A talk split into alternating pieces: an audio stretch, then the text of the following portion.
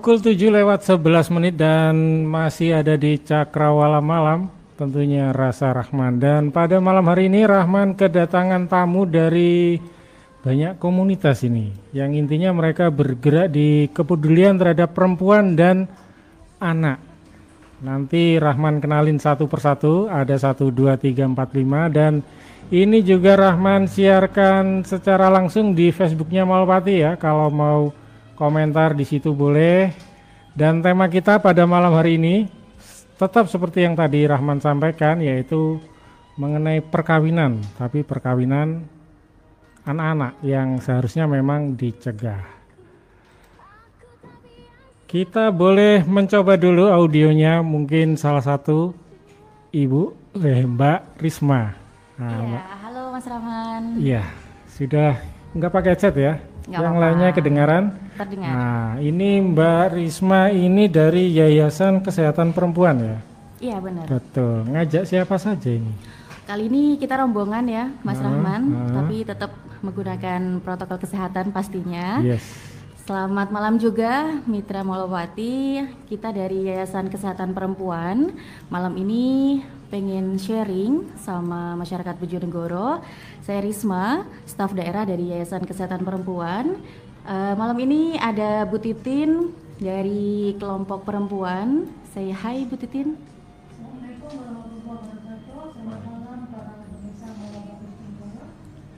Iya, Bu Titin ya? Iya, betul Mas Oke, okay, Bu ya. Titin. Dari mana Bu Titin?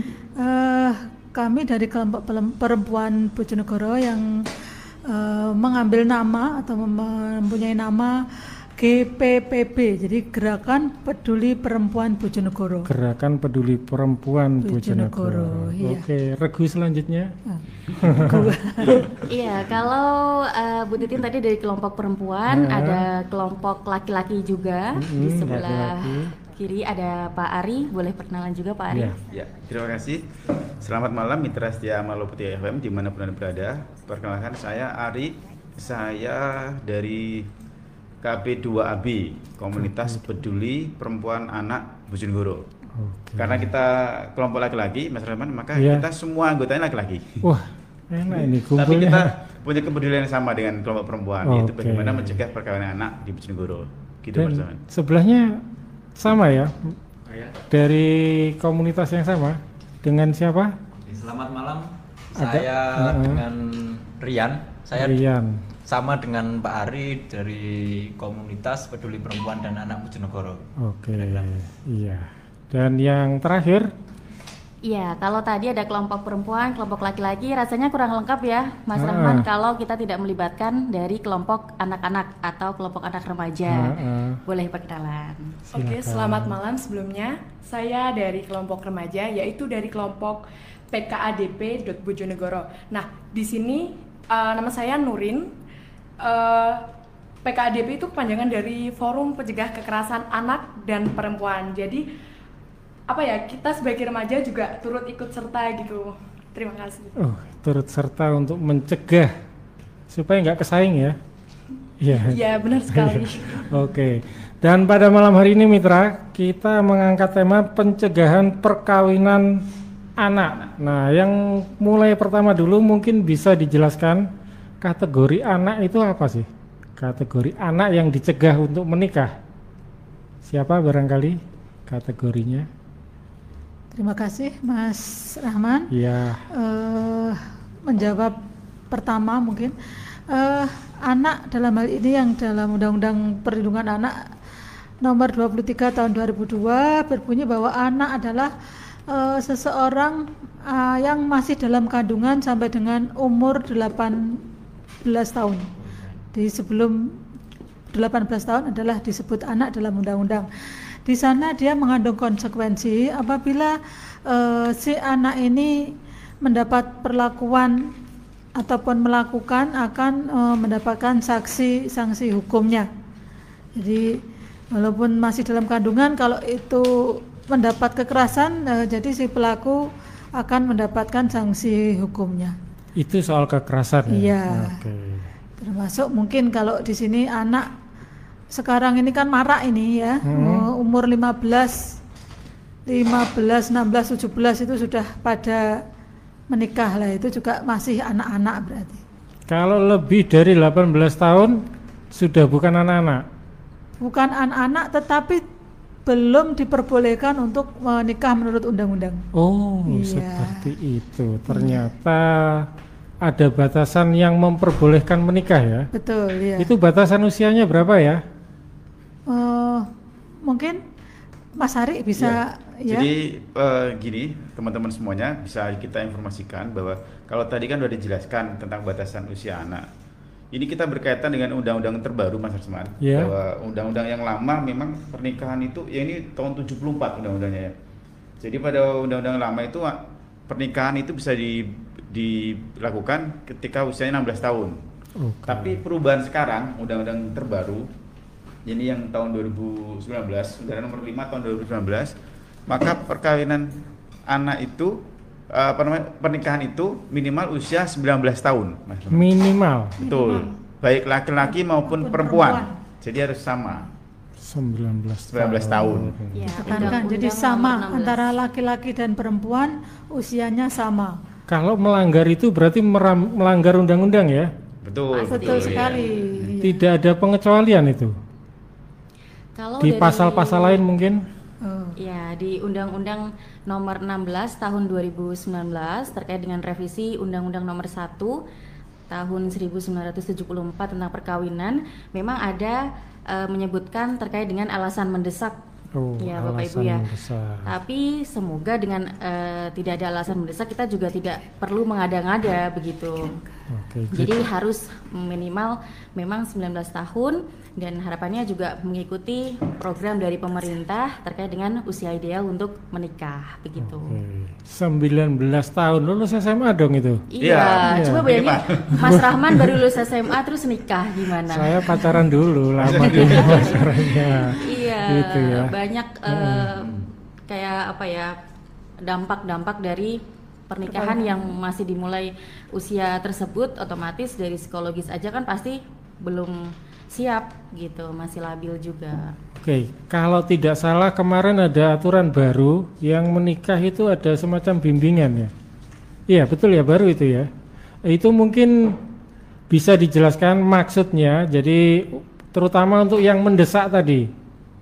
Maksud dari bimbingan itu apakah untuk mengurangi dampak psikologis? Karena sebenarnya pernikahan itu kan masalahnya dua ya, psikologis sama ekonomi aja. Iya kan? Psikologis itu tertarik sama orang lain itu psikologis ya. Betul ya gitu ya. Kesehatan juga dong. Kesehatan. Iya, Oh iya. iya, kesehatan banyak ada lagi. banyak faktor mas Mas Heeh. Rahman jadi banyak faktor yang harus dipersiapkan untuk eh, pernikahan itu Mm-mm. jadi bukan hanya siap mental dan ekonomi saja tetapi eh, segi biologisnya segi reproduksinya juga betul-betul harus dipersiapkan karena eh, resikonya atau akibatnya akan sangat panjang sekali. Sekarang apalagi marak apa itu stunting ya Stunting, iya. itu juga bisa disebabkan oleh pernikahan anak tadi. Juga eh, risiko bumil risti. Jadi eh, pernikahan anak ini sangat sangat sekali men- em, istilahnya menyumbang untuk eh, bumil ristinya ini sangat sangat tinggi sekali iya Resiko tinggi, Iya. ibu hamil Iya. resiko tinggi, Betul. kebanyakan yang usia dini, Betul, seperti itu iya, ya. banyak, Oke. iya. Saya mau kembali ke yang 19 tahun, itu dampaknya apa selain melanggar undang-undang? Dampak negatifnya, positifnya nggak usah, negatif aja. Nah, Oke, terima kasih. Artinya begini, ketika berumur 19 tahun, itu kan menurut saya itu juga masih ada pendidikan yang harus ditempuh gitu. Nah, pendidikan. maka di sini saya melihat bahwa pernik- apa, perkawinan anak ini juga akan berdampak akan menyebabkan putusnya pendidikan si anak. Padahal Oh, kan iya. juga masih banyak pendidikan yang harus ditempuh ke depannya. Nah, kemudian ini juga nanti muaranya dengan pendidikan ini adalah nanti apa menjadi pembangunan SDM bagi negara kita juga gitu. Seperti domino ya. Ya. Sekali menikah, pendidikan putus, pendidikan putus, pembangunan indeks manusia turun, Turun. ekonomi anjlok, negara runtuh, dunia hancur. Ngeri juga ternyata ya. iya. Tadi. Kalau bahasa milenialnya ambiar. Ambiar Ambiar. ya, oke ambiar. Kalau sanksinya tadi apa ya secara undang-undang? Ada nggak melanggar undang-undang itu terus ada sanksinya nggak? Misalkan nggak punya alasan mendesak, tapi nikah karena cinta, Nah ini Nah. yang yang belum ada lah sang- sanksinya mas. Belum- yang belum jadi ada ya, sanksinya. Jadi dari pelanggar undang-undang tadi kita lihat belum ada sanksinya, tetapi mereka itu eh, bisa. Jadi yang yang kita yang kita khawatirkan atau kita prihatinkan adalah eh, anak-anak yang ber notabene yang belum waktunya menikah ini mereka mengajukan dispensasi nikah untuk menikah. Nah ini loh, ini yang yang yang paling kita prihatinkan. Ber- Ini sudah berani mengajukan dispensasi itu ya? Iya, Nekat jadi- berarti. Iya nekat ya. Jadi eh, kalau dulu umur 16 saja banyak yang mengajukan, apalagi ini diundur menjadi 19. Jadi Tambah tambah, banyak. banyak. ini. Jadi sebenarnya kalau Bu Titin sendiri setuju 16 apa 19? Sebagai Heeh. apa ya pemerhati atau perlindungan perempuan tentu kita setuju dengan nomor 19. 19 Iya. ya. Itu Jadi- saja saya kira masih eh, minim. Jadi apa itu tulisannya masih di titik-titik rawan umur-umur segitu. rawan. Pak. 19 saja masih Iya. rawan. Masih ya. rawan, iya. masih Masih rawan, rawan. Mas. Selain ekonomi kesehatan mungkin Iya. Kalau dari dampak kesehatan sebenarnya kalau dari pasti yang paling banyak korban ke perempuannya Betul, ya Ibu iya. ya. Terus kalau perempuan masih usia 19 tahun eh, menstruasi pasti sudah menstruasi. Hmm. Tapi kalau dilihat banyak juga yang sistem reproduksinya itu masih belum siap. Oh. Kalau sistem reproduksi banyak ya. Nah, salah satunya adalah kondisi rahimnya belum kuat. Nah, misalkan 19 tahun sudah menikah lalu mengandung kita tuh takutnya ke ibunya juga ke bayinya. Bayinya. Begitu. Karena kalau usia-usia seperti itu, bahkan anak SMA aja kita ajak untuk minum tablet FE untuk tambah darah, mereka masih ala, banyak alasan kayak mual lah, nggak mau seperti itu. Nah, kalau mereka sudah mengandung, mau nggak mau harus mema- mematuhi dari uh, kesehatan gitu kan, harus minum ini, harus periksa. Nah, bahkan usia 19 tahun, mereka kalau tidak dipaksa tidak mau. Jadi belum ada kesadaran dari segi kesehatannya itu juga. Tadi selain dari uh, sistem reproduksinya yang belum kuat, pengetahuan juga kan. Jadi nanti ketika hamil, oh saya trimester 1 harus seperti apa, saya harus makan apa, nutrisi apa yang harus saya penuhi untuk uh, bayi saya. Banyak yang masih belum tahu gitu Mas Rahman. Jadi kasihan juga di anak si perempuannya, apalagi yang laki-laki kalau misalkan usianya juga 19 tahun, belum punya pekerjaan, terus mau menghidupi istrinya, mau beli susu ibu hamil mungkin atau mau beli buah, sayur, belum mampu, jatuhnya nanti ke orang tua juga gitu. Oke. Nanti merembet lagi ke ekonomi lagi. Intinya nggak enak kalau masih anak-anak terus menikah itu intinya kan enak. Iya. Enak pacaran ya.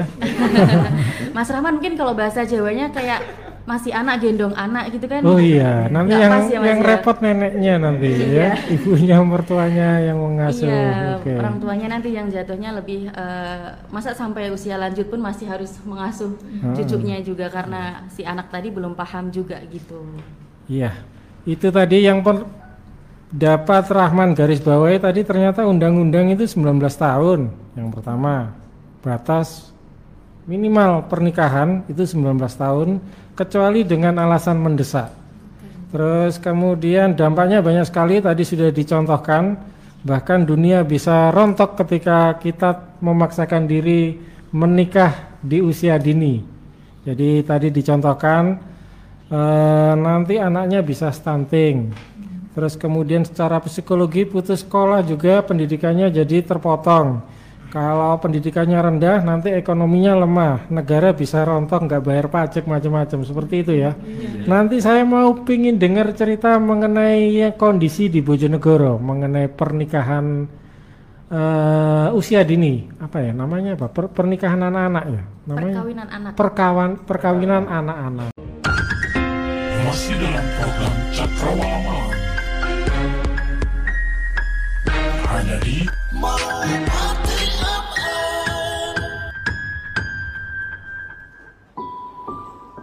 Iya, kita kembali lagi di Cakrawala Malam dan seperti tadi Rahman tetap ditemani oleh lima lima komunitas ini. Eh tiga empat ya, empat komunitas jadi satu. Temanya adalah mengenai pencegahan perkawinan anak. Nah ini ada yang paling muda, organisasinya paling muda, nggak tahu kalau usianya. Ada Mbak siapa ya? Lupa aku. Nurin Mas. Mbak Nurin ya, Mbak Iya. Nurin ini dia bergerak di khusus remaja kayaknya, khusus remaja. Ini mungkin bisa diceritakan Mbak Nurin. Jadi termasuk bagaimana menangani ketika ada teman-teman atau anak dari teman-teman kita yang memaksakan diri untuk kawin anak, kawin anak. Silahkan Mbak Nurin. Terima kasih sebelumnya Mas Rahman. Iya. Jadi Nurin di sini ingin sedikit sharing gitu Mas Rahman. Hmm. Jadi ketika Nurin melihat apa ya? Soalnya Nurin di sini juga ada teman gitu yang mengalami pernikahan di usia anak. Nah, Nurin sendiri melihat hal itu sangat miris ya Mas Rahman. Soalnya karena apa ya? Kalau kita sebagai remaja kan ada waktu untuk bermain gitu loh. Nah, kalau sudah menikah kan eh, waktu bermain itu juga harus dialihkan dengan peng- apa ya kalau eh, ngurus rumah tangga gitu Mas Rahman. Jadi untuk Nurin pribadi melihat eh, anak-anak khususnya anak perempuan yang menikah di usia anak itu Nurin ngerasa sangat sayang sekali gitu. Kita juga punya mimpi, kita punya cita-cita yang harus dicapai, kita juga punya orang tua yang harus dibanggakan, tapi kenapa kita harus memilih menikah di usia anak gitu. Nah, oleh karena itu, Nurin dari kelompok remaja yaitu dengan nama PKADP Bojonegoro eh, melakukan beberapa kegiatan untuk istilahnya untuk mengurangi eh, angka pernikahan usia anak sendiri itu Mas Rahman. Apa kegiatannya apa? Eh, bisa dilihat di IG PKADP Bojonegoro. Jadi IG-nya itu pkadp.bojonegoro. Nah, di situ kita men-share beberapa kegiatan yang su- yang sudah kita lakukan bersama teman-teman kita. Jadi di situ kita ada yang kegiatannya dengan posyandu remaja di Desa Semen Pinggir Mas Rahman. Itu kegiatannya seputar tentang membahas seputar tentang perkawinan anak dan seputar apa ya sisi negatif kalau kita sudah menikah itu bakalan apa, bakalan gimana gitu. Juga yang menarik mungkin ini dari teman-teman Nurin kan ada beberapa yang cerita ke Nurin tentang pengalamannya. eh mungkin ada rasa sedikit penyesalan gitu Mas Rahman. Kalau ketika kita melihat teman-teman sebaya kita masih sekolah, masih ada yang meneruskan apa ya pendidikannya dan mereka harus mengurus suami dan anaknya itu kan kalau kita lihat sangat miris sekali Mas Rahman. Karena sudah terlanjur menikah. Iya betul Nah, sekali. Kehilangan masa remaja seperti Iya itu ya. benar. Cita-citanya jadi ambiar. ya. Iya, benar ini sekali. kegiatan rutinnya apa ya? Kalau PKADB ini tak baca ada jandom online terus kemudian apa? Yang rutin apa? Posyandu remaja itu. Iya, itu juga salah satu kegiatan kita. Soalnya kita juga ada itu ya Mbak Risma. Ada apa namanya kerjasama gitu ya sama posyandu remajanya itu. Oh, gitu. Iya. Jadi ngisi di posyandu, Posyandu remaja. remaja. Oke. Kalau di Bojonegoro banyak ya posyandu remaja? Banyak Mas Rahman, tapi belum semua desa itu punya posyandu remaja. Nah ini yang kita pengen coba advokasi pelan-pelan ke beberapa desa. Kebetulan eh, di salah satu desa itu, misalkan satu kecamatan ada 18 desa, bisa dihitung baru ada satu atau dua. Tapi kalau di kecamatan Dander, informasi terakhir itu semua desa sudah punya posyandu remaja. Karena posyandu remaja ini penting banget. Salah satunya mungkin Nurin juga pernah merasakan bahwa kalau misalkan remaja punya wadah untuk bertemu sesama teman-temannya, biasanya mereka punya cara untuk curhat gitu. Jadi contoh misalkan sama pacarnya, eh, banyak Mas Rahman kayak ajakan-ajakan gitu dari pacarnya, mereka bingung bagaimana cara menolak. Nah, kalau misalkan bertemu dengan sesama teman sebaya, mereka bisa sharing, bisa cerita, oh ternyata seperti itu nggak boleh oh ternyata kalau misalkan diajak seperti ini kita menolaknya tuh dengan cara seperti ini karena banyak kekerasan dalam pacaran juga gitu Kekerasan dalam pacaran. Iya, iya, iya. misalkan nggak mau diajak gandengan, terus yaudah kak berarti kamu nggak sayang sama aku, misalkan seperti Oh, itu. itu. Terus eh, ada juga itu yang masih kekerasan secara eh, verbal, secara perkataan aja. Hmm. Tapi kalau yang kekerasan fisik pasti banyak juga, mungkin yang Hmm. ditampar atau di apa. Nah, tapi tidak terdata oleh pemerintah. Apalagi begitu. yang hatinya dirobek itu ya. Wah, itu keras itu. pedih. Iya.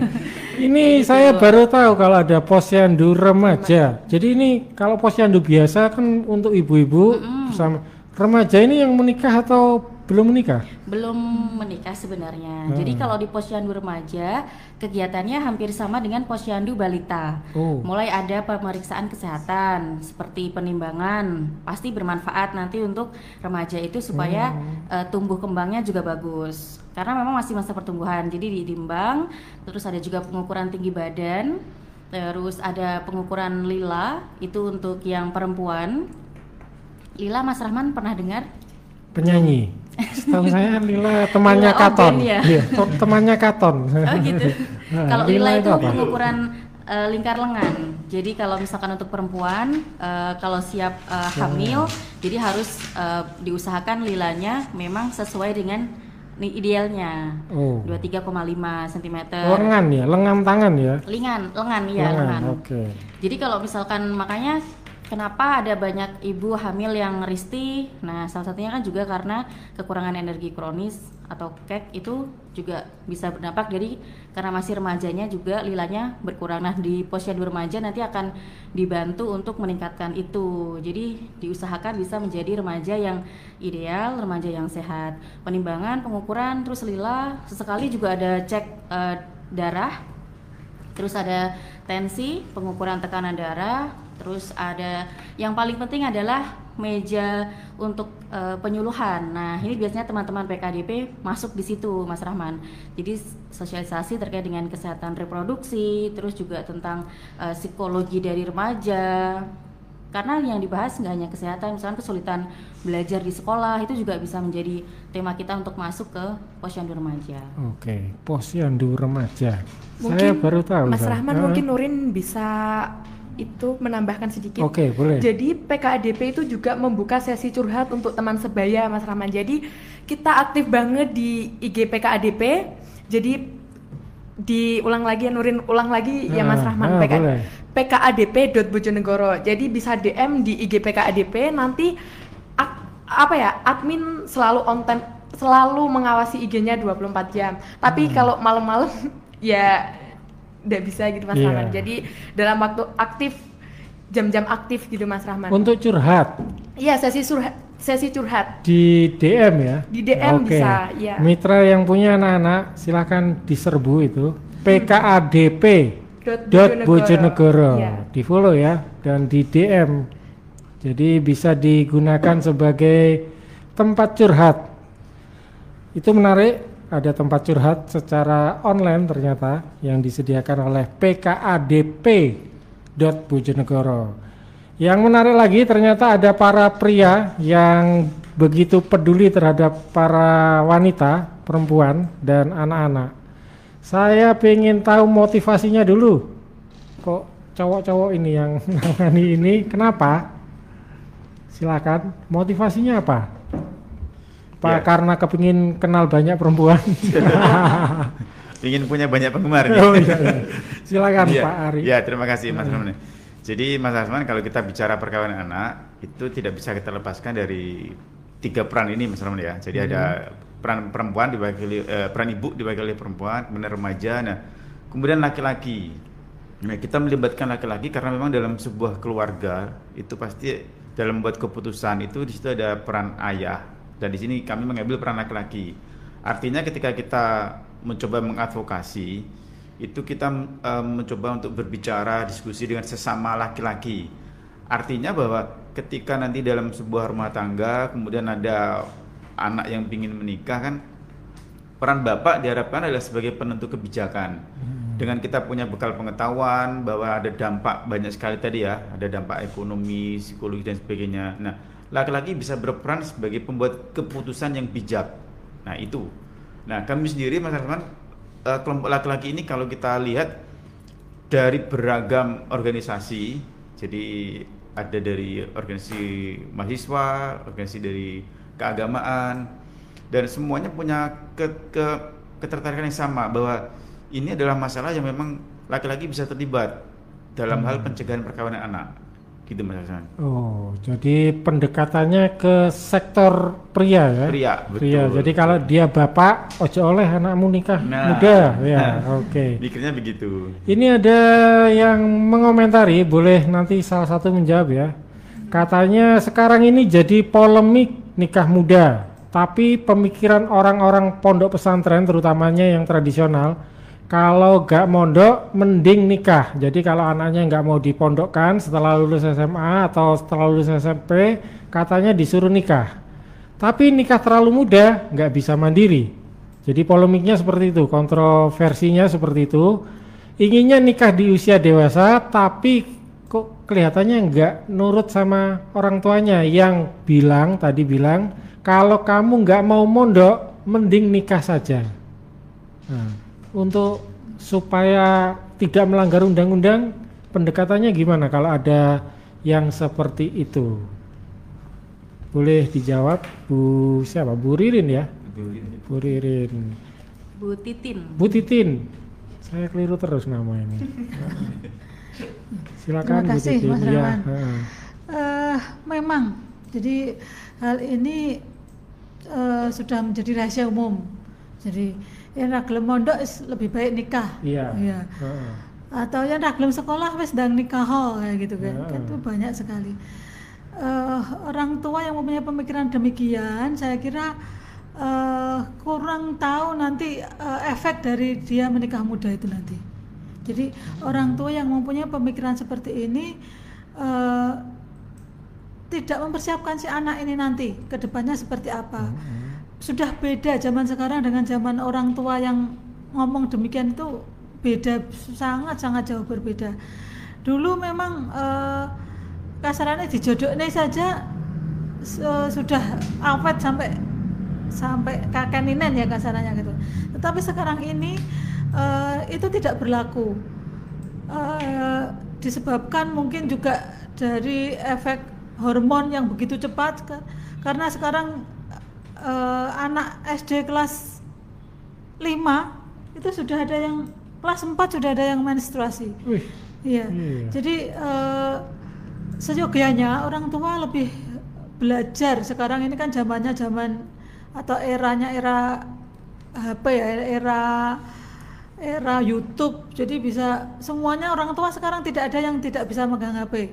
Apalagi sekarang anak-anak harus diajar sendiri dari rumah dengan memakai daring ya. Itu orang tua juga harus pintar. Lah itu orang tua seyogyanya belajar dari eh, pengalaman-pengalaman yang ada di luar. Jadi untuk tidak mempunyai pemikiran bahwa eh, yang nak mondok lebih baik sekolah itu harus dibuang jauh-jauh karena eh, pemikirannya seperti itu justru akan istilahnya kalau orang dulu tuh menjurus meru- menjurumuskan anaknya sendiri Menjerumuskan, iya ya. Heeh. seperti itu Bisa ditambahkan mungkin? iya monggo Mas Iya. Rian Oke, terima kasih. Jadi begini, kalau saya kan juga pernah merasakan menjadi seorang anak ya.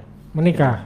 Enggak, Enggak, artinya ya. pernah Iya. menjadi seorang anak. Nah, artinya begini, kadang-kadang orang tua itu terlalu memaksa, terlalu memaksakan anaknya sehingga apa lupa bahwa anak ini juga punya kebebasan untuk berbicara. Kadang lupa diajak bicara, kemudian diajak berunding karena dianggap kamu masih anak. Oh, Nah, sehingga gitu. keputusan orang tuanya itu harus segera apa diturutin terus. Nah, padahal anak itu butuh diajak bicara, kemudian diajak berunding. Nah, ini kan juga apa ya sebagai bentuk pengajaran kita seperti katakanlah ini bagian dari demokrasi kan seperti itu Iya. kan. Nah, kadang di situ orang tua lupanya di situ. Karena iya, semua orang tua saya yakin ingin anaknya menjadi yang terbaik gitu. Tapi apakah bisa menjadi yang terbaik ketika caranya dengan memaksa gitu? Malah Nah, jelek ya. Artinya lebih baik anak ini diajak berunding. Nah, kamu misalkan maunya apa gitu? Maunya bagaimana ke depannya? Nah, itu kan bagi saya menurut saya itu lebih baik kemudian bisa untuk apa ya merangsang pikiran si anak ini kemudian untuk melihat masa depannya gitu kira-kira begitu Oh, jadi lebih baik komunikasi. iya Iya. Mungkin Mbak Nurin punya tambahan. Soal tadi kalau misalkan ini dari kalau Mas Mas Rian tadi di posisi ayah kan. Nah, kalau Nurin misalkan di posisi anak yang disuruh menikah, kira-kira apa yang akan Nurin lakukan? Eh, mungkin sebagian besar pendapat saya sama seperti Mas Rian karena anak juga apa ya dalam artian hal ini anak itu suaranya tidak terlalu diperhatikan Mas Rahman jadi untuk Iya, iya. eh, kebanyakan dari orang tua itu mohon maaf kadang-kadang itu terlalu merasa benar gitu tanpa memper- memperdulikan apa ya apa keinginan dari si anak tersebut Mas Rahman Oh gitu. Jadi kayaknya skornya 2-0 menang menang anak ini kayaknya ya. Iya menang anak ini. Yang disalahkan kan orang tuanya. Kalau siapa ya Pak? Oh ya silakan Mbak Eh, Risma Risma. mungkin juga pengen sharing. Bu- kita sebenarnya tidak menggurui ya eh, ke Bapak Ibu atau juga teman-teman yang ada di eh, Bojonegoro dan di luar bahwa kalau tadi fokus ke pertanyaan terkait dengan eh, dunia pondok gitu. Jadi ketika kita pengen menikah sebenarnya syaratnya selain ada umur dan lain-lain adalah akal akil balik gitu ya. Akil balik. Akil balik. Jadi ke komponennya ada dua. Kalau secara balik kita bisa dilihat dari eh, bahwa perempuan sudah menstruasi, laki-laki sudah mimpi basah. Nah, berarti sudah siap secara organ reproduksi memang untuk em, melakukan hubungan begitu. Hmm. Jadi tapi kalau dari eh, akilnya karena memang di usia masih 19 tahun ke bawah otomatis akil atau akalnya tidak semuanya sudah siap gitu Mas. Jadi Hmm. ada komponen akil dan balik bahwa akil secara eh, anak tadi memang sudah siap oh kalau saya mau menikah nanti saya persiapannya seperti ini nanti saya harus melakukan seperti ini jadi secara sadar memang mereka itu sudah siap gitu tidak hanya karena paksaan saja bahwa oh kamu sudah menstruasi kamu sudah dewasa kamu sudah bisa untuk menikah tidak seperti itu tapi juga komponen yang akilnya tadi loh yang akalnya itu juga menjadi harus dipertimbangkan juga oleh orang tua jadi kepanjangan kadang eh, dinikahkan supaya bisa membantu untuk eh, pekerjaan orang tua. Misalkan orang tuanya petani, anak punya mantu otomatis bisa membantu kegiatan di sawah, begitu ya Mas Rahman. Iya. Tapi kalau misalkan anaknya tadi tidak punya skill, terus juga em, mungkin karena masih baru lulus SMA masih males gitu ya, jatuhnya nanti malah jadi eh, beban juga untuk keluarga gitu. Jadi pertimbangannya sebenarnya panjang, tidak hanya untuk sekedar langsung oke sudah eh, nggak mau mondok kita nikahkan saja gitu. Tapi kita juga harus mempertimbangkan komponen-komponen yang lain. Jangka panjangnya seperti apa gitu Mas Rahman. Tapi pernah ketemu kasus seperti itu pernah ya? Sering. Terus kemudian advokasi. Eh, kebetulan Bu Titin yang sering menghadapi ke eh, korban mungkin juga Korban di- itu anak atau orang tua? anak Oh, anak, kan ya. anak yang jadi korban memang kebanyakan Iya, anak iya, kan mas gitu Iya, yang iya, jadi iya. korban mereka Oke. eh, biasanya yang ada yang dipaksa justru ada beberapa kekerasan mungkin bisa diceritakan juga Bu Titin Yang dipaksa menikah kalau nggak mau mondok tadi itu loh. Oh, kalau. Pernah? Kalau itu saya kira nggak belum pernah. Yang kita Belum, temui itu adalah eh, menikah karena dia Dipaksa. korban, justru korban kekerasan. Kok bisa gitu ya? Bisa. Sudah jadi korban kekerasan disuruh menikah. Ya, ya justru dia karena eh, terjadi kekerasan seksual dan Oh. ya mengakibatkan kehamilan, akhirnya orang tua kebanyakan meminta pertanggungjawaban untuk menikahi. Menikah. Iya. Tapi memang itu kan solusinya. Apalagi selain disuruh menikah ada solusi lain? Eh, sebenarnya eh, karena mereka menikah itu ya eh, untuk untuk korban ini ya Mas Rahman, Hmm. hanya untuk. Formalitas. Ya, Setelah itu formalitas. mesti ajur. Iya betul sekali. Hmm, Jadi gitu. eh, yang banyak terjadi setelah nikah ya sudah. Ya sudah gak direken ya. Yang pelaku untuk menghindari pihu pidana hukuman Hmm, pidana. oh iya. Untuk yang perempuan untuk menyelamatkan status si anak ini. Hmm. Nah, tetapi akhirnya setelah mereka menikah eh, karena mereka memang belum waktunya ataupun belum siap semuanya, banyak kan akhirnya menjadi beban orang tuanya. Oh, gitu. Iya. Jadi karena kekerasan, bukan karena suka sama suka ya. Eh, Karena kalau kekerasan ya. Suka sama suka ada juga. Ada juga. Ada juga. Jadi jadi akhirnya eh, pernah kita juga mendampingi menikah di LP. Wih, ini itu ke juga, juga juga pernah karena eh, memang masih anak-anak dan akhir suka sama suka sebenarnya, tapi melakukan hubungan yang sampai berakibat fatal. Ah. Akhirnya si laki-laki ini mendapatkan sanksi pidana dan harus kena menjalani hukuman dan karena mereka suka sama suka akhirnya Menikah. menikah Di LP. LP. Gak nyewa gedung ya enak ya. Oh iya, gitu. Ini ada tanggapan dari Tambak Rejo di Desa Maling Mati, namanya Cak Sun. Katanya mendukung undang-undang seperti itu. Tindak tegas, jangan sampai anak-anak yang belum cukup umur menikah. Tapi sekarang masih banyak anak-anak yang belum cukup umur menikah karena sekarang mau disuap. Tolong kalau ada petugas yang mau disuap harus ditindak tegas secara hukum. Memang ada ya? Nah ini ini untuk suap penyuap ini kami eh, belum pernah mendapatkan. Cuma Hmm. cuma yang kita sayangkan ini nanti kebetulan mungkin kita juga akan melakukan kegiatan ya dari YKP dan eh, semua komunitas ini akan melakukan semacam turun lapangan survei, Survei. semacam survei ke lapangan. Eh, Kita akan membedah eh, mereka kenapa mulai dari dari paling bawah, jadi mulai dari mungkin masyarakat masyarakat dan perangkat kenapa mereka memberikan surat pengantar untuk eh, Anak-anak menikah di bawah Iya, umur. iya, Iya. betul kita yang yang kita sasar adalah anak-anak di bawah umur pernikahan Oke. anak di bawah umur Di iya. bawah umur sesuai Iya. undang-undang tadi ya, Betul. 19 tahun. Terus untuk kembali ke suap menyuap, lah ini kalau misalnya eh, masyarakat tahu bahwa ini disuap, monggo dilaporkan saja. ke mana lapornya? Lah, Ke polisi ya? iya, otomatis, Ke otomatis kan begitu, Iya, ya. Oke. Jadi kalau memang tahu ini ada penyuapan, ya sebaiknya di gampang kan kalau itu penyuapan lah. Yang kalau itu tahu loh, kalau yang yang paling bahaya kan tidak tahu ada penyuapan gitu. Ah. Tahu-tahu bahwa surat itu sudah masuk Keluar, di, ya. ya, sudah Ah. masuk di PA untuk mengajukan sidang dispensasi nikah tadi. Itu Nah yang- kalau yang satunya umurnya di atas 19, satunya belum 19, tetap Tetap- tetap, tetap ya? harus Tetap ya? memang Dua-duanya mengajukan. harus 19. harus 19 ya Kalau keduanya. misalnya yang yang laki-laki kebany- eh, kebanyakan yang minta diska itu juga eh, saya sering ketemu eh, itu umur 24 si laki-lakinya terus yang perempuan biasanya 19 itu memang kalau undang-undang yang dulu itu belum direvisi itu memang sudah sudah tinggal jalan gitu. Ya, berhubung ada undang-undang yang baru mereka terpaksa mengajukan itu. Dan kita tanya eh, apakah kamu sudah siap? Sudah itu siap. Laki-lakinya juga kita tanya ini yang yang kebetulan saya saya Hmm. temui seperti itu jadi mereka sudah istilahnya yang laki-laki itu sudah bekerja yang perempuan memang memang belum karena memang masih anak-anak Oke, jadi sebaiknya kalau tahu lapor saja Iya, ya.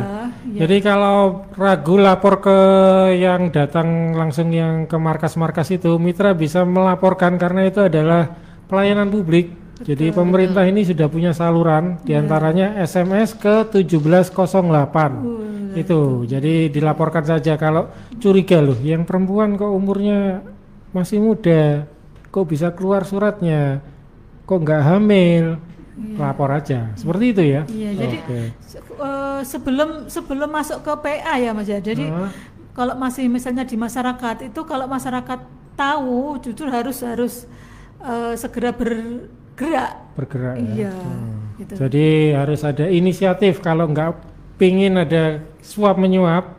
Hmm. Ada lagi modusnya yang kemarin itu Rahman baca di sana di luar negeri terpencil sana itu memalsukan akte supaya bisa nikah.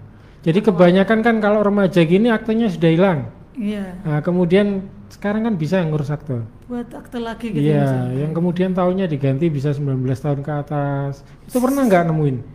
Belum ya? belum Kalau zaman dulu mungkin ada yang dituakan gitu ya. Iya, ya, Rahman ditambahin ya. umurnya. tapi untuk sekolah kalau dulu kan untuk sekolah bukan untuk nikah sih Oh. kalau sekarang ini yang mungkin baru-baru Mungkin mereka rela untuk dituakan. Iya.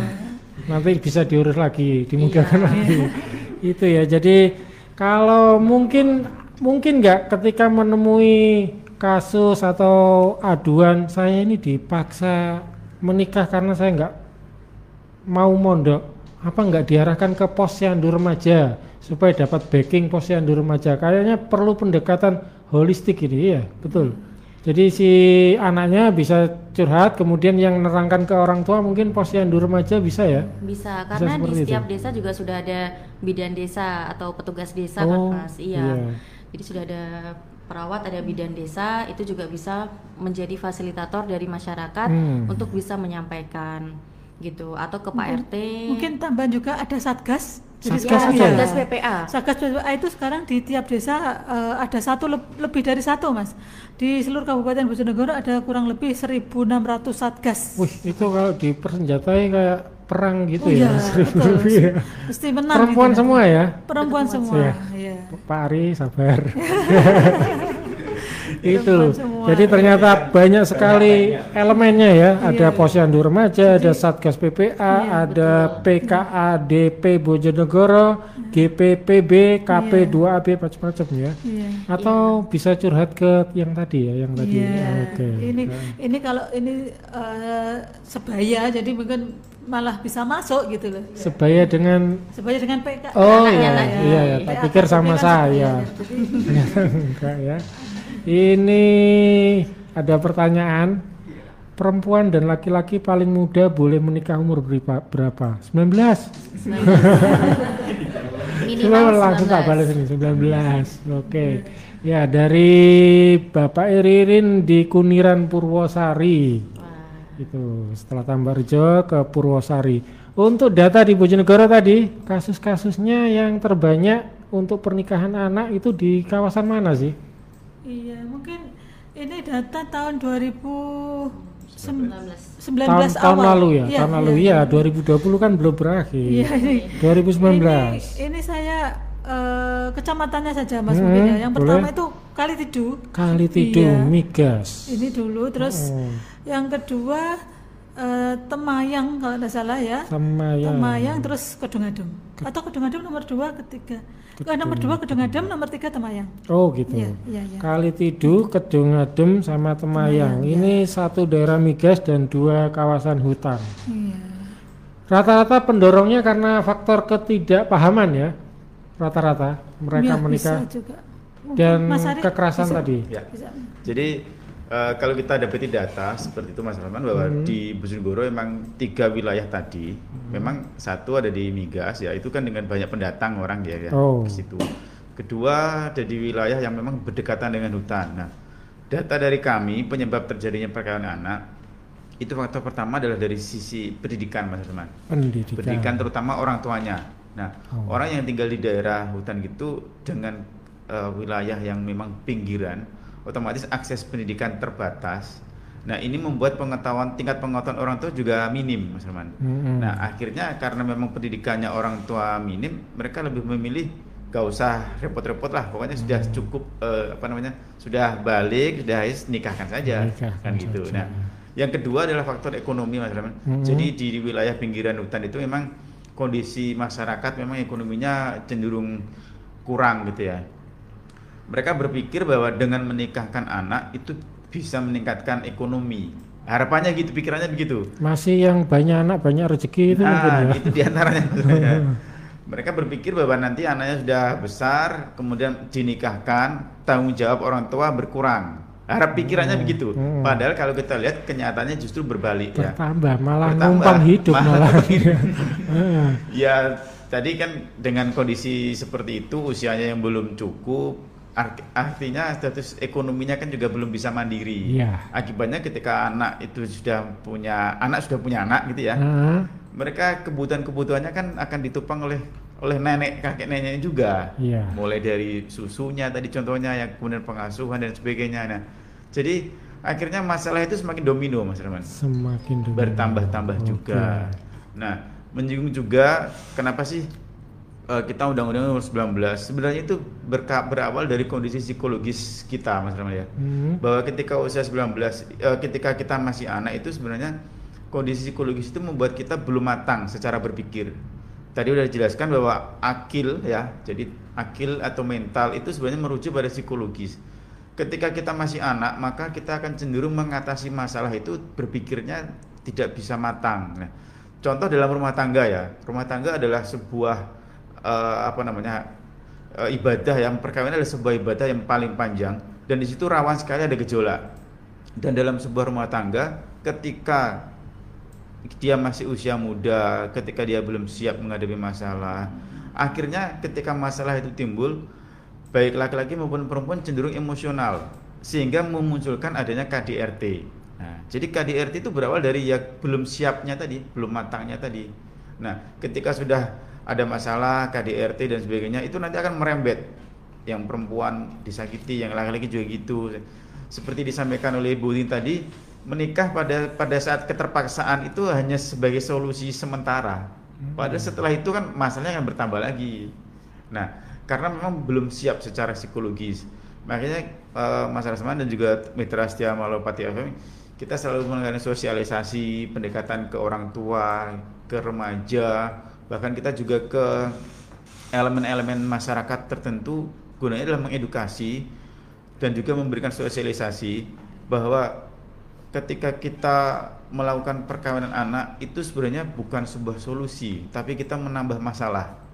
Dan dalam hal ini kita komunitas yang di Bojonegoro ini apalagi sesuai dengan program pemerintah kabupaten Mas Rahman ya. Mhm. Jadi karena ter- eh, ketika anak menikah itu nanti akan berdampak pada gizi buruk, stunting dan sebagainya. Itu sebenarnya bisa kita cegah ketika usia perkawinan eh, usia perkawinan itu sudah matang. Orang tua yang mau menikahkan anaknya itu sudah mulai berpikir. Kemudian anak-anak itu juga tidak berpi- tidak selalu ter- tergesa-gesa untuk menikah sehingga disiapkan betul karena memang menikah ini jangka panjang sekali. Gitu Mas Rasman. Seperti itu. Jadi pertimbangannya sebenarnya seharusnya banyak sekali Banyak, ya. Betul, betul. Tidak tidak hanya Macam-macam. tidak hanya cinta saja. cinta itu hanya sesaat juga. Iya, cinta itu sesaat ya. Sesaat hanya satu ya. Ya dua, dua. Dua. Eh, Mas Rahman, kebetulan Pak Ari ini basicnya psikologi. Oh, Beliau siap. dosen juga. Jadi kalau misalkan ada orang tua yang sekiranya bingung juga ketika eh, mau menghadapi anaknya, itu juga bisa untuk sharing terbuka. Bahkan kalau misalkan tidak bisa menemui ke Pak Ari, juga bisa dari Dinas P3KB, itu ada unit P3A yang ada di pojokan alun-alun, Mas Hmm, Rahman hmm. tahu ya. Nah, itu masyarakat juga boleh ke sana untuk sharing, untuk cerita gitu. Jadi Termasuk ada Pak Ari ya di situ. kalau Pak Ari eh, saat ini belum standby di Oh, sana. belum. On call Jadi, ya. Ya, Tapi ya kalau dari Dinas P3P ada ada yang siap di sana Ada dan siap. Bu Titin Oh, juga iya. siap di sana. Oh, Bu Titin di situ Iya. ya. Oke, oke, mantap. Ini juga ada sama sih sebenarnya ini dari Pak Totot Bakto. Pak Totot Bakto ini usianya sudah lanjut. Dia berpendapat perkawinan anak itu mengerikan sekali. sudah gitu toh. Pendapatnya gitu toh ya. Oke, terima kasih Pak Totot Bakto. Oke. Ini juga ada pertanyaan, apabila ada KDRT kita lapor ke mana? Oke. KDRT. Nih, sebelum saya menjawab, mungkin ini revisi tadi Mas. Jadi untuk tahun yang benar tahun 2018 untuk eh, angka pernikahan Oh, anak tertinggi itu. itu. pertama di Dander, Dander. kedua kali Tiduh, yang ketiga eh, Kedongadem. Ya, itu itu ya. Itu rumahku semua itu. Iya. Iya. Iya, Di. Dander sama Kedongadem tempat saya lahir Hmm, kedua. iya. Iya. Ke- Itu. Kedongadem itu kebetulan juga eh, angka kekerasannya juga tinggi. Kekerasan juga tinggi. Terus Permohonan diskon. permo- permohonan diskannya juga paling tinggi. diskan. Iya. Oke. Nanti Iya. kita lanjutkan dengan yang diska ya, diska ya, diska. Ini Diska. eh, saya Tapi jawab dulu. sebelumnya gini, sebelumnya gini. Oh ya, yang KDRT Oh, tadi iya, ya. Ah. Iya, monggo eh, kalau ini eh, tidak urgent atau tidak istilahnya bukan KDRT fisik yang mengakibatkan luka, mengakibatkan eh, cacat yang parah gitu bisa eh, ke kantor P3A. Jadi eh, ke- di sana kita atau sementara kalau misalnya kasusnya ringan-ringan bisa menghubungi satgas desa setempat. Satgas desa Iya. setempat. Iya, Mm-mm. menghubungi satgas desa Itu setempat. biasanya di balai desa ya? Nanti tanya di balai desa eh, satgasnya siapa, bisa tidak harus di balai desa, jadi menghubungi satgas nanti bisa eh, janjian ketemuan di mana. Misalnya kalau di balai desa sebenarnya lebih aman, lebih lebih istilahnya lebih aman, tapi ada juga yang mereka malu istilahnya. Malu. Nah, ya itu kalau misalnya itu berat bisa eh, melangkah ke P3A Bojonegoro. Jadi di sana ada full timernya, ada juga ada penerima kas- kasusnya juga ada terus nanti baru kita dampingi mulai dari kalau memerlukan eh, apa itu sampai ke masa eh, bidang hukum nanti kita dampingi sampai dengan eh, mulai dari BAP sampai dengan persidangan tapi kalau hanya memerlukan eh, tidak sampai ke Persidangan. persidangan atau hukum atau kepolisian nanti bisa kita mediasi Mediasi. Gitu, di, di mediasi eh, di P3A banyak sekali yang yang sudah berhasil kita mediasi di P3A itu jadi eh, kalau masalahnya tidak berat monggo menghubungi satgas desa setempat kalau misalnya berat eh, bisa ke P3A dan kalau lebih berat lagi bisa langsung ke kantor polisi Atau kalau yang lebih ringan lagi bisa DM di pkadp.bojonegoro. yang hatinya terobek-robek. Oke. Itu ya. Tersayat-sayat. Nah, kalau yang KDRT eh, ibu-ibu atau sudah berumah tangga nanti, loh kamu anak saya gitu. Oh gitu ya. Iya, iya, mantap mantap. Gitu. Kalau markasnya masing-masing di mana sih ini? Markasnya masing-masing. Iya. Di online boleh, fisik boleh. Kalau tadi kan kalau saya cermati PKAD sudah menyebutkan markasnya di Instagram dia. PKADP Bojonegoro. Dot Bojonegoro ya. Mungkin yang Pak Ari mungkin ada markasnya, boleh dibagikan dulu.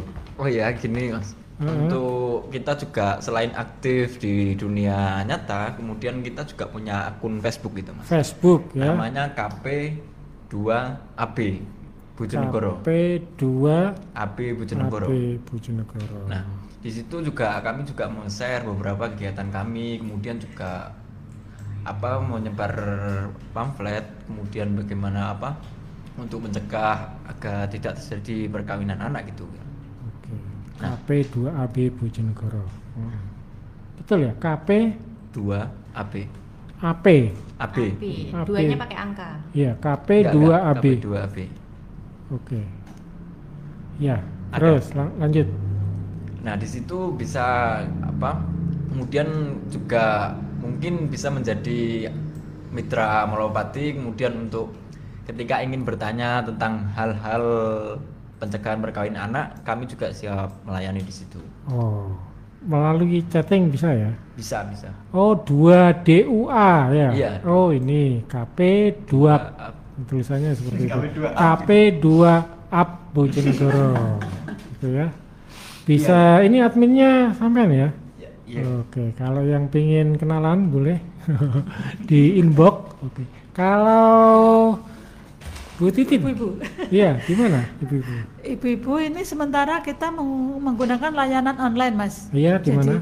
jadi eh, kita eh, sering sosialisasi. Jadi kita karena anggota kita itu eh, dari berbagai macam organisasi, jadi mulai dari PKK, Patayat, Asia, terus KPI, BKMT, Dharma Wanita, Muslimat, eh, kita eh, jejaringnya dengan justru langsung ke masyarakat. Jadi mereka melakukan penyuluhan di masing-masing organisasi. Mhm. Juga kita kita sendiri yang eh, dari GBPP juga eh, ada program berkunjung ke PKK PKK di desa-desa. Oh, gitu. Iya, kita eh, memberikan nomor telepon. Jadi waktu kita sosialisasi, terus bisa menghubungi nomor ini kalau mendapatkan ada kejadian atau ada sesuatu masalah seperti itu. Oh. Iya. Jadi terjun ke lapangan kemudian Betul. berbagi nomor handphone ya, Iya. seperti itu. Oke, Oke. iya. Kalau sudah ya? Kalau Bu eh, Mbak Mbak Risma, Oh, ini Mbak Risma ini kan koordinator kita mas, jadi ini oh, iya. jadi lewat Bu Titin bisa, lewat Iya, Pak Hari iya, bisa. iya, ya. gitu, ya. Ya, Nanti kalau oke, misalkan mantap. tidak bisa di level komunitas kita, kita akan naikkan ke level yang lebih tinggi ke dinas, Oh, ke iya, iya, iya. kepolisian gitu Mas Oh, Rama. gitu. Sudah membentuk jaringan ya Sudah. dengan mereka, maksudnya komunikasinya sudah Sudah, oke ya. sudah. Kebetulan sudah dari awal 2017 kan kita sudah uh, bekerja sama dengan Dinas P3KB, terus juga uh, pelatihan juga dengan Kepala KUA se Kabupaten Bojonegoro terkait dengan isu ini. Tanpa disadari, aktivitas setiap hari kita tidak pernah luput dari hasil industri loh. Tahu nggak sih? Mulai dari bangun tidur sampai ke mau tidur lagi, kita menggunakan produk-produk Indonesia. Iya, semuanya telah mampu dihasilkan oleh industri kecil dan menengah. Produksi industri kecil dan menengah tidak kalah hebat. Didukung dengan teknologi tepat guna, inovasi, kreativitas, dan sumber daya manusia yang mumpuni, mampu menghasilkan produk yang berkualitas, berstandar, dan keren tentunya. Mau cari apa? Semuanya ada di sini. Mulai dari makanan, minuman, kosmetik, mainan anak, perlengkapan elektronik, aksesoris otomotif, hingga produk fashion, lengkap kan? Dukungan nyata semua pihak untuk tumbuh dan berkembangnya IKM. Pelatihan, pendampingan, kemitraan, fasilitas teknologi, kemasan, perlindungan kekayaan intelektual, sertifikasi, hingga pemasaran. Buktikan dukunganmu ke segala penjuru untuk industri maju.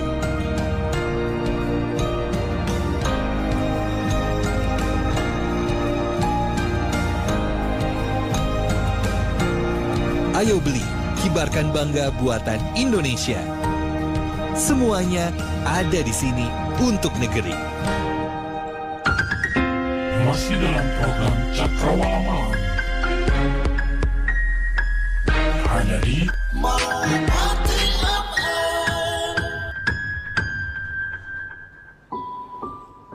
Kita kembali lagi di Cakrawala Malam dan masih bersama saya Rahman di 95,8 MHz Malopati FM yang mencerahkan dan memberdayakan. Tadi ada yang mau disampaikan mengenai ini kebetulan pertanyaannya juga berhubungan dengan itu yaitu mengenai di mana sih alamat kantor P3A. Nah, ada yang tanya ini ternyata. Boleh dijawab alamat kantornya P3A? Terima Hmm. kasih. Eh, untuk kantor P3A Jalan Trunojoyo, oh, Mas Tumapel ya. Mas Tumapel nomor satu Mas. Jadi eh, mudah saja selatannya gedung bertingkat gitu deh. Jadi Di pojokan- gedung Pemkap ya? Bukan di selatannya Mas. Oh di seberangnya? Iya di seberangnya Oh, selatannya persis itu. Jadi pojokan paling pojok itu. Mas Tumapel nomor satu. Selatan gedung Pemkap. Iya. Oke. Untuk nomor eh, hotline-nya mungkin bisa dihubungi yang bisa dihubungi. Jadi Iya. eh, monggo dicatat kalau ada hal-hal atau yang mendapatkan kekerasan apa pun itu bisa menghubungi kami di hotline eh, P3A. Jadi hotline service service P3A nomornya 081 Hmm, 216 hmm, 149 149 477. 477. Jadi itu nomor yang bisa dihubungi, dihubungi kalau eh, masyarakat semuanya mendapatkan kekerasan ataupun eh, mendapatkan perlakuan yang kurang menyenangkan ataupun hanya untuk konsultasi saja bisa eh, lewat nomor HP itu. Sebelum dilanjutkan bentuk-bentuk kekerasan itu kadang-kadang yang di sana itu kan nggak tahu. Di gini kan dikira bukan kekerasan. Oh Nah, mungkin bisa sedikit saja yang ringan-ringan misalkan. iya. Hmm. Mungkin eh, bisa kita sampaikan di sini eh, bentuk-bentuk kekerasan itu ada empat mas. Jadi eh, yang pertama kekerasan fisik sudah Hmm. jelas. Jadi bentuknya penganiayaan. Kalau KDRT biasanya yang yang memukul bisa suami, bisa istri juga. Hmm. Jadi bisa istri juga bisa memukul suami. Hmm. Terus kekerasan psikis. Psikis. Iya, kekerasan psikis ini biasanya eh, didiamkan, itu justru kan malah menyakitkan. Satu rumah tetapi tidak saling menyapa, Oh, tidak saling seperti ya. itu ya. Atau Itu masuk KDRT. bisa, Bisa, ya. oke. Terus juga ada ini mas, jadi eh, contohnya ada seseorang itu sewenang sa- sama seseorang ya, gitu ya. Hmm. tapi sudah saling saling punya rumah tangga masing-masing. Hmm. Tetapi si si sua, istri ini tidak, eh, si perempuan ini tidak mau. Tidak mau. Ya, jadi sering di apa istilahnya di cegah, di Ah, dibuntuti, iya. ya, Ah, ah. dibuntuti seperti itu. Itu termasuk ya? Perasaan termasuk tidak jadi aman. iya Oh. iya Oke. sampai juga mungkin eh, pernah juga kejadian istilahnya menyenggol bagian tubuh tertentu itu juga bisa termasuk ah. kekerasan ya itu selanjutnya kekerasan ekonomi jadi bentuknya itu penelantaran Kekerasan ekonomi. Iya. bentuknya penelantaran kalau yang perempuan menelantarkan yang pria misalkan. dengan- lu yang men- yang Oh, yang kebalik ya? bisa ya Iya. yang Dunia mencari ini yang tugas mencari nafkah itu siapa mas dunia memang adil. Iya. Ya. Jadi Ah. terutama juga orang tua yang tidak menafkahi anak itu kan juga Ah. ada anak Oh, dibiarkan orang tua anak dibiarkan di jalanan disuruh Hmm. mengemis seperti itu ada kejadian di Bojonegoro itu ada seperti itu. Terus Walaupun mau ya. Walaupun mau misalkan anaknya. walaupun mau itu termasuk kekerasan ekonomi Oke, terus ya, terus, iya. ah. walaupun mau anak kan eh maunya kan karena ketakutan dengan orang tuanya tadi Ah, Iya. terus. Terus eh, selanjutnya kekerasan seksual ini yang paling banyak sekarang terjadi di di Di mana-mana. Di mana-mana, di Bojonegoro khususnya. Oh, banyak ya. Iya, banyak Oh. sekali. Eh, yang Kekerasan terbaru apa? Kekerasan apa? seksual, Mas. Iya. Iya. Kekerasan seksual ini banyak sekali. Mungkin eh, kemarin juga mungkin di di media medsos kan sudah tersebar Iya, ya. Yang anak Yang digilir berapa orang itu kan Itu kemarin juga ya, ada. yang- Terus ya. kemudian model yang foto bugil gitu ya. Oke. Terus yang kakek-kakek. Ya, Ya, ada juga kemarin. Terus yang terbaru juga ini anak disekap oleh orang tuanya sendiri. Iya, itu Nah, yang paling baru. Ya, ini, Hmm. ini makanya eh, kekerasan-kekerasan seperti itu kalau memang eh, kalau bukan karena bukan delik aduan, jadi siapa pun bisa melaporkan. gitu. Hmm, bukan bukan delik aduan. Ya. Kalau kekerasan kekerasan, ke- ya delik adu. Delik aduan Iya, ya. delik aduan, Oh, ya. harus dilaporkan. Harus dilaporkan, betul. Oke, ya. kalau nggak ada yang lapor nggak bisa diproses seperti Iya, itu ya. Iya, betul. Oke. Jadi itu, jadi nomornya sudah saya sampaikan, iya, monggo. iya. eh, karena di Bojonegoro ini sudah ada wadah untuk melindungi perempuan dan anak yang Hmm. mendapatkan korban kekerasan. Eh, silahkan menghubungi nomor tersebut untuk mendapatkan perlindungan dan pendampingan eh, apabila nanti sampai dengan eh, proses hukumnya. Hmm. Nggih. Untuk Mbak Risma, kok nggak ada perlindungan terhadap pria dan apa gitu nggak ada ya? Kenapa itu? Kalau itu nanti masuknya ke HAM. Oh, HAM. Iya, perlindungan hak asasi manusia Oh, gitu. Karena eh, jadi ada beberapa kelompok rentan ya, Mas. Ah. Kalau kayak anak-anak kan kelompok rentan juga. Nah, itu Lansia, lansia. ibu hamil. Hmm. Nah, atau juga orang sakit. Nah, itu juga kelompok-kelompok rentan yang memang harus didampingi harus gitu. mendapatkan prioritas Perli- iya, betul. perlindungan ya, karena rentan mereka. Iya. Oke. Yang ngomong soal Diska tadi siapa yang mau menjelaskan? Diska itu bagaimana prosesnya, kemudian eh, sebaiknya ke mana dulu supaya tidak langsung minta dispensasi perkawinan ya? Dispensasi kawin. Dispensasi kawin. Nah, supaya yang anak-anak nggak langsung minta itu gimana? Prosesnya ke mana dulu? Ya, jadi eh, Mas Arsman dan juga Hmm. Mitra Setia Mulia FM perlu kita sampaikan dulu, kita garis bawahi bahwa diska dispensasi perkawinan ini tetap kita harus memperhatikan kepentingan dari anak. Ya, artinya jangan sampai atau jangan mudah kita mencari atau mendapatkan diska. Nah, diska sendiri sebenarnya diatur ya karena bila memang kondisi sudah mendesak, Mas Asman. Hmm. Nah, mendesak di sini ada dua hal. Yang pertama adalah kondisi kesehatan atau fisik dan juga kondisi psikologis. Contoh dari kondisi fisik adalah bila memang terjadi kehamilan yang tidak diinginkan. Nah, karena memang sudah kondisi mendesak begitu, maka perlu mengajukan diska. Nah, otomatis di sini harus ada catatan tersendiri, Mas Rasman, Mhm. bahwa ketika terjadi kehamilan maka harus dilampiri beberapa persyaratan administrasi. Yang Mhm. pertama adalah dia harus mendapatkan surat rekomendasi dari tenaga ahli. Dalam hal ini adalah dari dokter, Harus dokter ya? harus dokter. Bukan bidan ya? Oh bidan, Bidan juga boleh, bisa. tenaga Tapi kesehatan Tenaga kesehatan ini di Oke. situ. Nah, karena memang surat ini memang harus nanti dilampirkan, Mas Rahman. Mhm. Nah, jadi kondisi men- men- mendesak itu yang pertama adalah bila memang terjadi kehamilan yang tidak diinginkan. Ya, otomatis yang memeriksa harus petugas medis. Dalam hal ini kalau di desa mungkin bisa bidan, Hmm. nanti dokter gitu.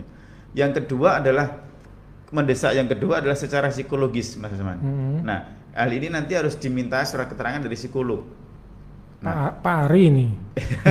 misalnya begini ya. Iya, iya, iya. Nah, mungkin pertanyaannya kondisi psikologis itu gimana misalnya? Nah, kita ambilkan contoh aja Mas bahwa eh, kondisi psikologis adalah ke, eh, di mana bila hal ini terjadi atau tidak dilakukan, maka akan mempengaruhi kondisi psikologis pada pada anak. Contoh misalnya, karena sudah saking cintanya, kalau tidak dikawinkan, nanti anak bisa melakukan tindakan yang nekat, yang membahayakan. Hmm. Nah, itu kan contoh. Nah, kita perlu mendapatkan surat rekomendasi itu dari psikolog. Nanti dari situ ada pemeriksaannya. Bener nggak ini terjadi? Mungkin orang tua mengatakan, Pak, anak saya mau nikah. Kalau nggak dinikahkan nanti bisa berbahaya ini, nak. Kan itu hanya komentar dari orang tua. Nah, kita perlu pemeriksaan psikologis, Mas Manda. Di Mhm. sini peran tenaga ahli dalam hal ini psikolog nanti bisa mengasesmen benar nggak ini terjadi pada anak. Kalau memang benar terjadi, nah ini termasuk kondisi mendesak, maka boleh diajukan diska. Diska. Nah, Oke.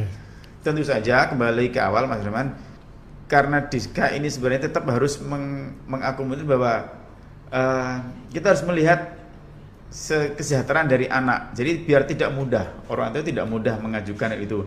Maka ada beberapa proses yang memang harus dilalui orang tua ketika memang mengajukan diska. Ada beberapa persyaratan, nah bisa dari administrasinya, tentu saja dari eh, perangkat desa ter- ter- terdekat gitu mas Herman. Nanti Mhm. dari situ nanti akan sampai ke pengadilan agama. Nah, di dalam pengadilan agama nanti ada proses sidang yang memang harus kita dampingi, mulai dari memanggil calon mempelai, memanggil orang tuanya, kemudian kita dampingi. Artinya bahwa proses dari diska sendiri membutuhkan waktu sehingga nanti kita harus meyakinkan bahwa memang pengadilan agama dalam hal ini adalah memberikan keputusan bisa dilanjutkan nggak ke pernikahan. Jadi ada proses-proses yang harus dilalui Mas Rahman untuk Iya, iya. dan kita memberikan diska ini dengan harapan bahwa ketika memang terjadi perkawinan pada anak yang memang masih usianya kurang dari 19 tahun itu sudah tidak ada pilihan lain. Jadi ibaratnya jangan mengajukan diska hanya karena wah undangannya harus tak sebar ya mas. Nah, gitu. Iya, itu tidak iya. mendesak kan seperti itu ya. Ada yang seperti itu. Ada kadang-kadang ya. Jadi intinya diska itu disidang dulu ya seharusnya. Iya, Iya. iya. Hmm, prakteknya? Eh, Praktek. Enggak, Ya, oh, iya. ya prakteknya ya harus mas. Oh iya enggak Jadi, maksudnya em, kenyataannya. Oke, Mungkin saya menambahkan Mas Rahman Heeh. untuk diska memang ini eh ya itu tadi umur 16 tahun kemarin undang-undang umur 16 tahun saja sudah Banyak, banyak, yang iya. mengajukan Hmm. diska apalagi diundur menjadi 19 tahun. Jadi eh, semakin banyak justru yang mengajukan. Hmm, hmm, Eh, kebanyakan mereka sebenarnya tidak berisiko, tapi hanya ada juga yang berisiko. Hmm. Yang berisiko contohnya dia hamil duluan, Hmm. terus apa? eh, dia kemarin itu juga ada anak eh, difabel. Jadi Hmm. difabel itu ya mau menikah, mau dinikahi gitu. Jadi yang yang laki-laki ini kok ya ya bersyukurnya dia mau menikahi akhirnya eh, dia mengajukan diska. Terus ada juga eh, sebenarnya tidak ya itu tadi tidak berisiko sama sekali, umur masih 15 tahun. Nah, seperti itu. Di sidang ya. Eh, itu jadi melalui tahap-tahap. Hmm. melalui tahap-tahap mas. Jadi untuk Perma yang nomor 5 tahun 2019 ini, Hmm. jadi peraturan Mahkamah Agung yang terbaru menyertai undang-undang yang baru itu bahwa untuk pengajuan diska itu harus menyertakan surat-surat eh, dari P3A. Oh. Ya, jadi eh, kebanyakan eh, mereka ya bukan kebanyakan syarat-syarat mutlaknya memang harus eh, membawa surat rekomendasi dari P3A. Jadi eh, sebelum ke PA atau eh, sebelum ke PA biasanya kalau yang sudah tahu itu ngurus dulu ke ke P3A ini tadi. Hmm. Jadi eh, ada di, di di kami itu ada eh, istilahnya form atau Hmm. Berkas-berkas yang harus dibawa untuk pengajuan diska di di sebelum di pengadilan di PGTKA dulu. Jadi ada ada tujuh poin yang harus dibawa ke untuk pengajuan diska itu. Oke. Jadi Perlu- eh, Perlu lanjut. dicatat apa? Hmm. Atau tidak usah ya nanti kan biar kalau dicatat oh ya aku sosok gaweku kayak ya nanti malah banyak yang ajukan jadi eh, biar mereka berusaha untuk apa ya yang saya harus saya siapkan untuk untuk eh, mengajukan diska ini gitu Soalnya ini ada tapi eh, tidak akan kita share di sini untuk Jangan itu Iya. malah ngurui itu. Lah, gitu loh Mas ya. Gitu. Intinya ribet kan? Rumit. Oh, Ribet ya tadi. Belum tadi- lagi yang hmm. dulu yang sebelum P3A kan eh, ada kurang lebih dua bulan tiga bulan itu karena masih baru jadi masih belum eh, bisa mengeluarkan rekomendasi itu. Hmm. Mereka di harus ke sini ke sini orang tuanya tuh sampai marah-marah. Saya ini seperti dipimpong bu, suruh ke sana ke sini ke sana ke sini gitu. Hmm, Ya Padahal gitu. memang gitu prosedurnya. Iya gitu. Hmm. Terus ada juga begini, sambat, gimana bu ini undangan sudah menyebar, eh, ka- catering itu. sudah saya DP, semua dekor-dekor sudah sudah di DP. Hmm. Lah kalau ini tidak keluar bagaimana? Itu Ya ada. resepsi dulu, nikahnya nanti tiga tahun lagi. kan boleh. Soalnya di desa eh, sebelum pandemi itu ya mas, itu kan Hmm. kalau menikah itu kan semacam arisan toh ya? Iya. Ya itu kalau tidak menikah nanti arisannya tidak balik. Gitu. Karena sudah buah dulu, Iya. sekarang giliran dibuahi Iya, seperti jadi itu. gitu. iya. Jadi umur umur belum cukup ya ya kudu dipaksakan gitu. Yang jelas itu ya jangan menikah dulu, pacaran dulu aja enak ya. Kalau sudah Iya. kadang catering ya boleh lah buat resepsi Eh. dulu nikahnya nanti boleh kan? Alasannya juga kebanyakan seperti ini. Orang tua sudah runtang-runtung ke sana kemari, sud- nanti diomongan di, jadi omongan tetangga itu seperti itu juga. Oh, itu ya. Hmm. Si anak sendiri pun juga seperti itu. Saya sudah seneng bu, saya su- sudah sering ke sana ke sana kemari berdua. Hmm. Itu itu anaknya sendiri eh, pernah saya tanya juga seperti itu. Kultur kayaknya ya. Bisa Budayanya juga, memang bisa. seperti itu. Nji. Heeh. Iya. Run- Runtang-runtung kan nggak apa-apa nanti kan juga runtang-runtung ya. Iya. Iya. Malah ini ada kejadian mas, ada kejadian ya itu tadi, padahal eh, notabene anaknya ya seorang tokoh masyarakat lah, tapi di desa, sebuah desa gitu. Dua-duanya masih sekolah, Dua-duanya masih, masih sekolah, sudah dinikahkan, Sudah dinikahkan. dinikahkan, iya. Hmm.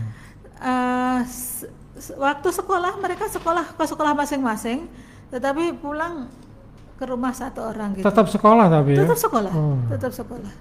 Itu Itu ada lumayan sinetris, seperti Iya. sinetron, sinetris. Ada ada kejadian di Bojonegoro itu. Bojonegoro ya. Iya. Hmm, Nanti saya di WhatsApp menarik itu. Ini itu.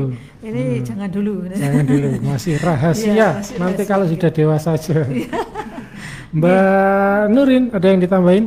Mungkin soal diska pengalamannya mungkin ada yang minta diska terus diapakan supaya nggak jadi. Eh, kalau di forum PKADP itu sendiri Hmm. kebetulan belum ada ya mas sampai sekarang yang Hmm. karena itu juga apa ya kalau untuk PKADP itu sendiri kan fungsinya sebagai pelopor dan pelapor mas. pelopor dan pelapor. Iya. Oh, Mungkin untuk ranah ke Diska itu lebih ke P3A ya Mbak Risma. pela- pelapor apa maksudnya ini? Nah, kan juga itu Mas tadi seperti yang Nurin bilang, tadi kan Nurin ada suatu kegiatan yaitu tentang apa itu namanya sesi surhat sesi Iya, curhat bersama hmm. PKADP. Hmm. Itu mungkin kita kan karena sebagai jembatan gitu ya Mas, sebagai Oh. anak muda itu sebagai jembatan ke apa pemerintah setempat. Kita kan juga ada kerjasama antara itu ya Mbak Risma. Hmm. Jadi mungkin kita bisa menjemba- menjembatani kalau ada teman kita, teman sebaya kita yang melapor ke, ke kita, kita bisa menjembatani ke dinas P3A atau dinas terkait lainnya gitu Mas. Oh seperti itu. Iya, Jadi benar. kalau begini ngelapornya mana ke sana, tak anterin tak gitu ya. Misalkan Iya, seperti benar. itu ya. Iya, Oke mantap. Jadi kalau anak-anaknya nggak pingin nikah muda, gabung di PKADP Bojonegoro. Iya, benar banget, Pasti Rahmat, nggak nikah bisa, muda iya. ya. Oke. Kalau Pak Ari tadi kan salah satunya syaratnya psikologi Eh, dari dokter psikolog ya, dari psikolog ya syarat- syaratnya. Ya, itu ada kalau di. Bojonegoro itu ada banyak ya psikolog. Ada di Heeh. untuk Bojonegoro yang di rumah sakit eh, rumah sakit sudah ada. Sudah ada ya. Ada rumah sakit umum daerah, rumah sakit swasta. Oh ke rumah sakit. Ada. Hmm. Jadi eh, pemeriksaan psikologis nanti memang harus dari psikolog Mas Rahman Hmm. karena memang kompetensinya dari situ. Sehingga ketika nanti ada kondisi mendesak terkait dengan kondisi psikologis, maka psikolog nanti bisa mengeluarkan hasil dari asesmen tadi. Oh. Bener nggak terjadi tekanan psikologis? Oh seperti. Nah, sehingga nanti eh, suratnya nanti bisa dilap- dilaporkan ya, dilampirkan dalam pengajuan diska. Ya. Oh. Prinsipnya Mas Zaman bahwa diska itu memang rumit. Prinsip Rumit, begitu. iya. Kenapa kok rumit? Ya biar tidak mengajukan. Iya. Ini gitu ya. Apalagi nikah muda lebih rumit lagi. Diskanya, diskanya aja rumit kok ya. Iya. Nah, kalau nikah siri muda. Oh, ini Bukan urusannya ya. Bukan urusannya gitu ya. itu juga dicegah nggak makanya pernikahan siri. harus harus dicegah. Iya. Jadi tidak ada istilahnya nikah siri itu tidak ada. Oh ya. Jangankan di anak-anak, di orang tua aja jangan Iya, ya. iya, Oke, betul. mantap. Karena Oke. yang dirugikan adalah perempuan. Perempuan. Mungkin saya tambahkan juga Boleh. di P3A ini juga ada psikolog-psikolog yang handal, Mas. Wes. Termasuk psikiater. Oh. Iya, jadi ya. psikiater itu ada sudah eh, banyak jadi korban-korban yang yang istilahnya traumatis gitu eh, di di terapi oleh psikiater. Oh boleh ke situ ya. Boleh. Jadi misalkan ini tadi kebetulan waktu update statusnya Mitra Malpati, ini ada yang trauma karena putus cinta terus nggak nikah nikah. Misalkan seperti itu boleh bisa, ya? bisa. Jadi Dia tapi sudah dewasa. atas lapor ada harus ada laporan dulu ke P3A. Nah, iya lewatnya ke P3A nanti Iya, betul. dikenalkan sama psikiater Iya, gitu kan. iya, jadi nanti Oke. dia ada psikolog. Namanya tadi siapa ya? Namanya keren namanya. Oh ya, itu, itu, ya. berarti gagal move on itu ya. Iya, gagal. bisa, bisa kita bantu. Gagal move on, dia trauma. Oh, ya. Hmm. Ini kemarin juga ada Mas, mungkin bisa saya sharekan di sini. Hmm. Eh, si anak ini korban kekerasan seksual. Eh, kita datangi, jadi kita datang itu dia keadaan kayak eh, step gitu, wah kayak wah, Kejang, kejang. kejang, kejang, Hmm. anu. Ini kalau psikiater nggak mampu ini kelihatannya gitu. Kalau Hmm. atau pi- kalau eh, psikolog gitu. Terus akhirnya kita bawa ke rumah sakit di ditangani oleh psikiater, dokter psikiater di rumah sakit. Karena kekerasan, Kekerasan tadi seksual, ya. ya. Trauma sampai kejang-kejang gitu. Betul, ya. Oke. Di P3A ya? Iya, di Oh. P3A. Saya nggak dikabari. Tak tetangga mas, tetangga belakang Oh, iya, belakang belakang. mas nanti. Jangan bongkar rahasia itu nanti tetangganya tahu itu. gitu ya. Jadi macam-macam sebenarnya yang ditangani P3A sendiri, apalagi ada sekarang ternyata banyak sekali komunitasnya yang gerakannya sebenarnya sama ya. Iya, Ya, kalau perempuan dan anak. Iya, jadi- tapi kalau kita di eh, tiga komunitas ini memang eh, fokus di pencegahan perkawinan anaknya Oh. untuk mengurangi kekerasan-kekerasan yang timbul tadi. Iya. Ini ada pertanyaan inti dari nggak pakai nama ini dia. Jadi kalau sudah hamil misalkan umur 16 tahun, kalau sudah hamil, kalau dari kacamata perlindungan anak dan perempuan itu sebaiknya menikah atau tidak menikah? Terima kasih. Bukan aga, bukan soal agama, Agama, ya. bukan soal tapi dari kacamata perlindungan anak dan perempuan. Tujuannya untuk apa? Ya, jadi Hmm. jadi kita lihat dulu. Kalau nanti menikah eh, tujuannya untuk hanya untuk menggugurkan Hmm. kewajiban atau misalnya pelaku biar tidak dipenjara, sebaiknya sebaiknya tetap sih untuk untuk em, membuat efek jerah si pelaku Hmm. lanjut saja biar jadi si, si Oh pelaku lanjut ini- di proses hukumnya Iya, ya. betul, Oke. iya. Sebaiknya seperti ya itu. sepertinya seperti itu kan Setuju. nanti eh, sudah tah itu nanti kalau seperti itu itu nanti kalau sudah nikah ya sudah sudah Iya. ditinggal itu tidak akan tidak akan istilahnya bahagia gitu tidak akan. jauh dari kata itu Kebanyakan berantakan malah ya, Betul, menyengsarakan KDRT macam-macam. iya Itu tadi. Oke, tadi di Instagram, terus kemudian di online juga ada disediakan, terus kemudian ada kerjasama, kerjasama atau memang PNS bu ya di P3A ya, bertugas di P3A ya ibu. kebetulan saya ini eh, dari masing-masing organisasi tadi saya perwakilan dari P3A Oh, gitu. seperti Iya, itu. jadi ada yang dari PKK, ada yang dari Asia, dari Muslimat, Fatayat, saya yang dari P3A. Oh, seperti itu. Iya. Ini saya dapat kiriman artikel dari Edi Fadliana mengenai pernikahan usia dini. Anak. Sebe- Jadi pernikahan se- sebenarnya eh, seka- istilahnya bukan dini tapi anak. anak ya. Iya. Kalau dini Dini bisa dini baru hari. baru kenal terus menikah ya. Kalau Itu dini itu dini itu kan nama orang mas. Oh, yes, saya yes itu. Oke, kita ke lagu dulu. Nanti kita menyisakan atau mau closing statement karena sekarang sudah 244. Oke. Mau closing statement satu persatu boleh. Dimulai dari ladies first. Ladies first. Mbak Nurin mungkin, Nurin, nggih. Mbak Nurin ya. Urut Eh, atau dari GPPP GPPP. mempunyai pesan jadi kepada anak-anak ya kalau ya sebenarnya harusnya ke, ke, ke orang, tua tapi mungkin orang tua bisa disampaikan oleh yang lain kalau saya ini dari anak masih anak jangan membuat anak Masih anak jangan membuat anak. Iya. Oke, setuju. Iya. Heeh. Itu closing statement. Silakan Mbak Nurin. Kalau dari PKADP dari Nurin pribadi untuk teman-teman sebaya di luar sana untuk Mitra Malopati. Jadi cita-cita dulu sebelum cinta buta. Wis, cita-cita dulu sebelum cinta buta. Mantap. Silakan Mas Rian. Mas Rian. Oke, terima kasih. Heeh. Artinya pesan saya juga baik itu tadi masih anak jangan punya anak. Heeh.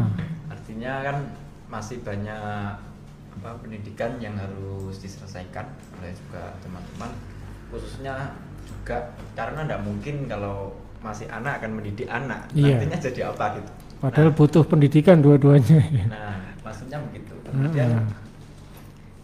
nikah pada waktunya. Menikahlah pada waktunya. Karena jodoh tidak akan salah sasaran. Oke, Pak Ari, Oke, silakan. Saya menambahkan untuk mitra setia Malau TM yang masih muda-muda, Hmm. pesan kami dari komunitas peduli perempuan dan anak, maka kejarlah ijazahmu sebelum ijab sah. Oh, Ya, ijab dia sah. gitu ya. Iya, Terima iya, kasih. iya. Ini macam-macam ya ternyata tagline-nya. Oke, yang gongnya silakan boleh. Kalau saya pribadi sebenarnya untuk semuanya eh, tidak pakai quotes ya. Kalau saya mari saling jaga. Dalam artian kalau kita saling menjaga bahwa untuk tidak menikahkan pada usia anak, terus anak-anak juga menjaga bahwa oh saya masih anak-anak loh gitu. Jadi secara sadar mari saling jaga supaya juga eh, ke depannya bisa lebih baik karena itu rentetannya akan panjang. Jadi kalau misalkan eh, menikah di usia anak dampaknya tadi ya ada ekonomi, pendidikan, terus kesehatan. Jadi daripada mikir dampaknya yang panjang, lebih baik kita mencegah dulu. Mencegah, jangan sampai keterusan. Iya. Oke, itu quote juga itu. Marilah kita jaga itu ya. Iya.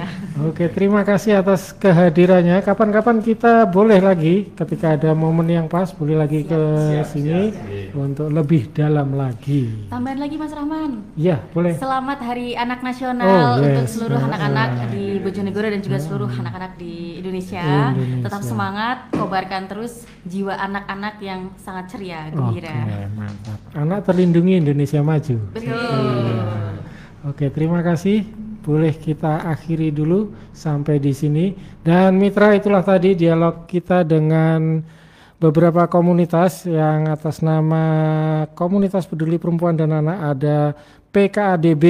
Instagramnya PKADB @bojonegoro silakan di follow bisa curhat di DM-nya. Kemudian ada yang dari kelompok perempuan GPPB. Tadi ada Bu Titin, kemudian ada yang mewakili kelompok laki-laki KP2AB dan ada Mbak Risma, Yayasan Kesehatan Perempuan.